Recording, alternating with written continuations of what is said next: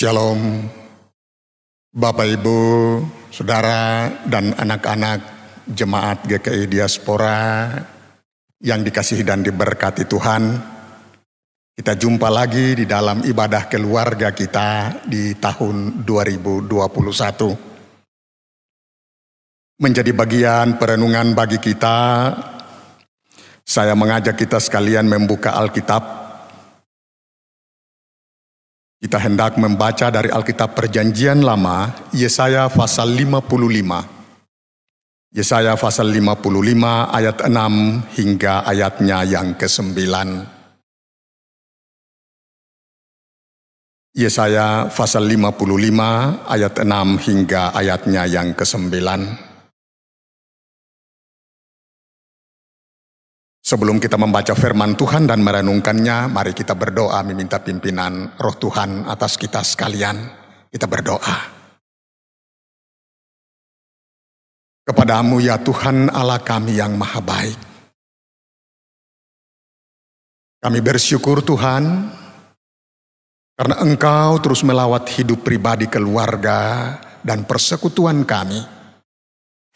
Di 13 hari sudah, bulan pertama di tahun 2021 ini.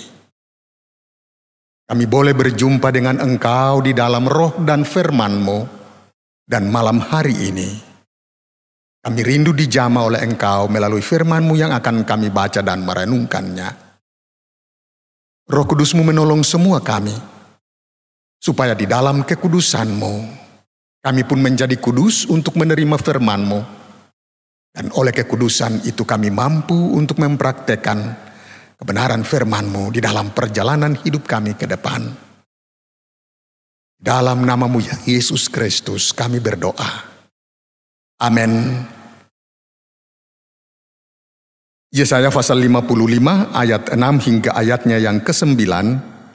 Saya membaca dan Bapak Ibu, Saudara dan anak-anak mengikuti di rumah masing-masing melalui firman atau Alkitab pada setiap pribadi. Carilah Tuhan selama ia berkenan ditemui. Berserulah kepadanya selama ia dekat. Baiklah orang fasik meninggalkan jalannya dan orang jahat meninggalkan rancangannya. Baiklah ia kembali kepada Tuhan, maka ia akan mengasihaninya dan kepada Allah kita, sebab ia memberi pengampunan dengan limpahnya. Sebab rancanganku bukanlah rancanganmu, dan jalanmu bukanlah jalanku. Demikianlah firman Tuhan. Seperti tingginya langit dari bumi, demikianlah tingginya jalanku dari jalanmu, dan rancanganku dari rancanganmu. Demikianlah firman Tuhan. Bapak, ibu, saudara-saudari, dan anak-anak yang dikasihi dan diberkati Tuhan, bagian firman Tuhan yang kita baca menyodorkan kepada kita tiga hal yang hendak menjadi perenungan kita. Namun, sebelum itu, Bapak, ibu, saudara-saudara, Kalau kita membuat sebuah daftar kebutuhan hidup kita, maka pasti setiap pribadi dan keluarga di dalam melakukan rencana yang hendak digapai di sepanjang perjalanan hidup di tahun ini. Pasti yang diutamakan adalah rencana untuk mengalami kesuksesan rencana untuk meraih keuntungan, rencana untuk menggapai keberhasilan.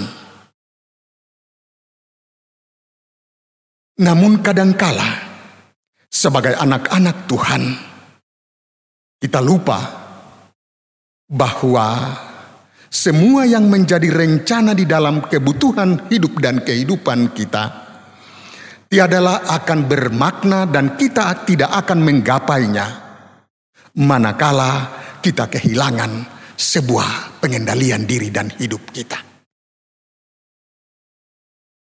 Saya ingat seorang yang memiliki kompeten ya yang namanya Abraham Maslow. Di dalam teorinya, dia menginventarisir semua kebutuhan hidup manusia. Dan yang dia tempatkan pada nomor urut pertama adalah kebutuhan biologis. Kebutuhan akan sang pencipta itu pada nomor yang terakhir. Orientasi apa hidup dan apa yang ia pikirkan bahwa ketika manusia mengalami kepuasan secara biologis, maka dia pasti akan menggapai apa yang menjadi keperluan kehidupannya. Dan kebutuhan untuk Tuhan itu pada nomor yang sangat terakhir. Bagian firman Tuhan ini hendak mengajak kita memiliki sebuah orientasi berpikir di dalam perjalanan kehidupan kita di tahun ini. Hal yang pertama yang diungkapkan oleh Nabi Yesaya adalah hidup untuk mencari Tuhan. Segala keperluan dan kebutuhan hidup diletakkan pada urutan-urutan selanjutnya. Dia menempatkan Tuhan sebagai sentrum dan orientasi hidup dan kehidupan. Karena itu ia berpesan, Carilah Tuhan selama ia berkenan ditemui dan berserulah kepadanya selama ia dekat. Yang hendak ditegaskan di sini, yang dicari Tuhan adalah apa kehendak Tuhan yang hendak dan harus dilakukan di dalam hidup dan kehidupan anak-anaknya. Sebab tanpa kehendak Tuhan, maka bisa saja seseorang yang memiliki sebegitu besar harapan dan rencana, ia akan kehilangan makna dari apa yang direncanakan di dalam hidup dan kehidupannya, manakala ia melupakan Tuhan. Karena itu, bagi Nabi Yesaya menyerukan supaya setiap orang umat Israel ketika itu, tapi juga kita pada masa kini, kita menempatkan Tuhan sebagai pusat di dalam hidup dan kehidupan kita. Kita tidak hanya sekedar mencari Tuhan, tapi di dalam bagian ini, carilah Tuhan selama ia berkenan ditemui dan berserulah kepadanya selama ia dekat. Kita ingat Injil Matius pasal 7 yang mengungkapkan tentang hal menuduh dan meminta. Mengingatkan barang siapa yang mencari, ia akan mendapat. Barang siapa yang mengetuk pintu, maka baginya pintu akan dibukakan. Nah karena itu ketika kita ingin untuk berhasil di dalam perjalanan kehidupan kita di tahun ini. Tidak ada jalan lain. Kecuali kita menempatkan Tuhan sebagai pusat di dalam hidup dan kehidupan kita.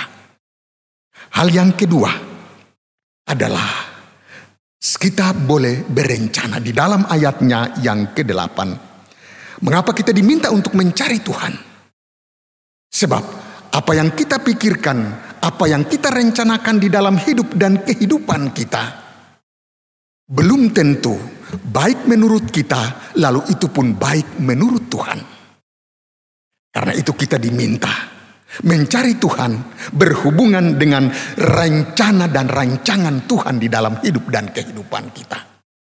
Karena itu ketika kita menjalani kehidupan kita di luar daripada kendali Tuhan, maka rencana dan rancangan hidup kita akan meleset. Di dalam ayatnya ke-8, mengapa kita mencari Tuhan dan kita berseru kepadanya selama ia dekat dan kita bersandar kepadanya sebab rancangan Tuhan bukanlah rancangan kita.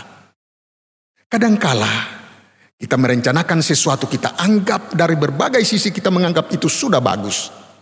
Tetapi ketika kita melakoninya, kadangkala jauh dari apa yang kita harapkan.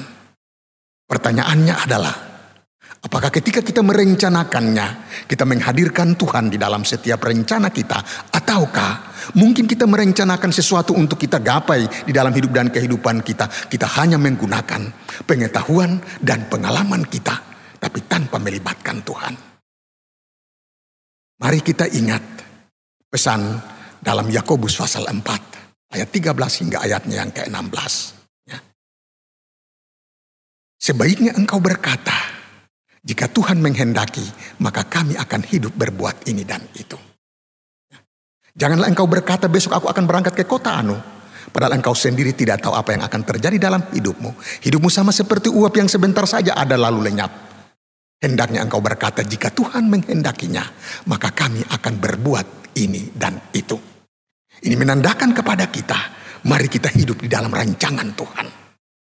Kita boleh berencana, tetapi segala rencana dan rancangan hidup dan kehidupan kita, kita bawa dan kita taruh pada kuasa kehendak Tuhan. Dengan demikian maka kita akan berjumpa pada ayatnya yang ke-9 di sana berkata, seperti tingginya langit di bumi demikianlah tingginya jalanku dari jalanmu. Ketika kita mencari Tuhan, mengandalkan Tuhan di dalam hidup dan kehidupan kita. Lalu seluruh rancangan harapan untuk kita gapai di dalam perjalanan kehidupan kita dari hari lepas hari. Kita andalkan di dalam rencana Tuhan. Maka jalan kita.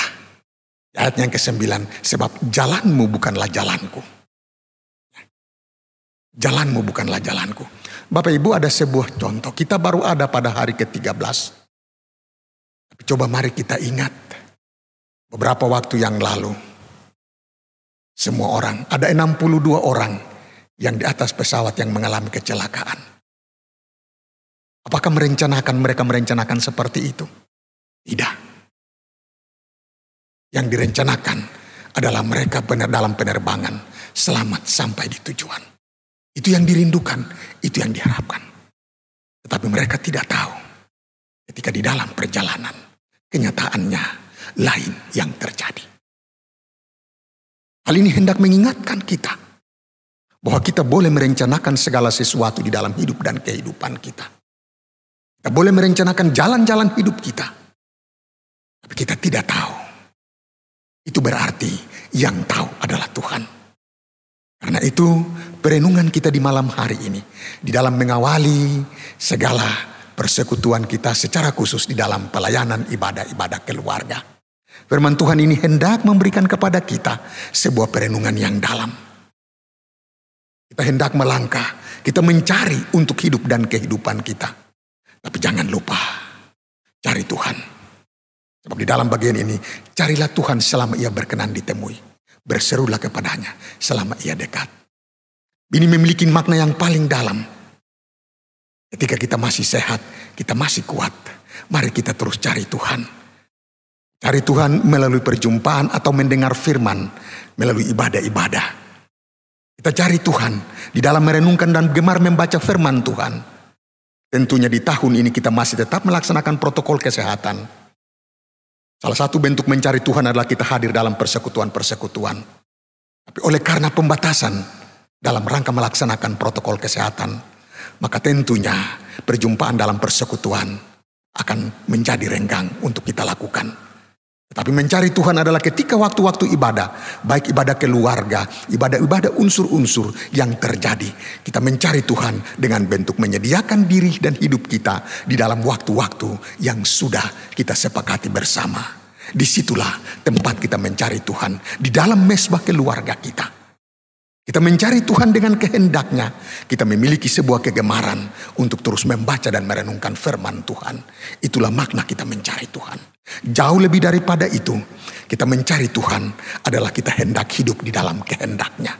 Supaya dengan demikian, segala rencana hidup dan kehidupan kita, kita bawa dan kita taruh pada kehendak Tuhan. Maka percaya, perjalanan kehidupan kita, kita akan jalan dengan aman di dalam hari-hari hidup kita ke depan. Mengapa? Karena kita hidup di dalam jalan Tuhan. Maka percaya kita akan terus diberkati. Kita terselamatkan. Mari cari Tuhan. Hidup di dalam rencana Tuhan. Dan menjalani hidup mengikuti jalan Tuhan. Maka dengan demikian kita menjadi orang-orang yang beruntung di dalam hidup kita di tahun ini.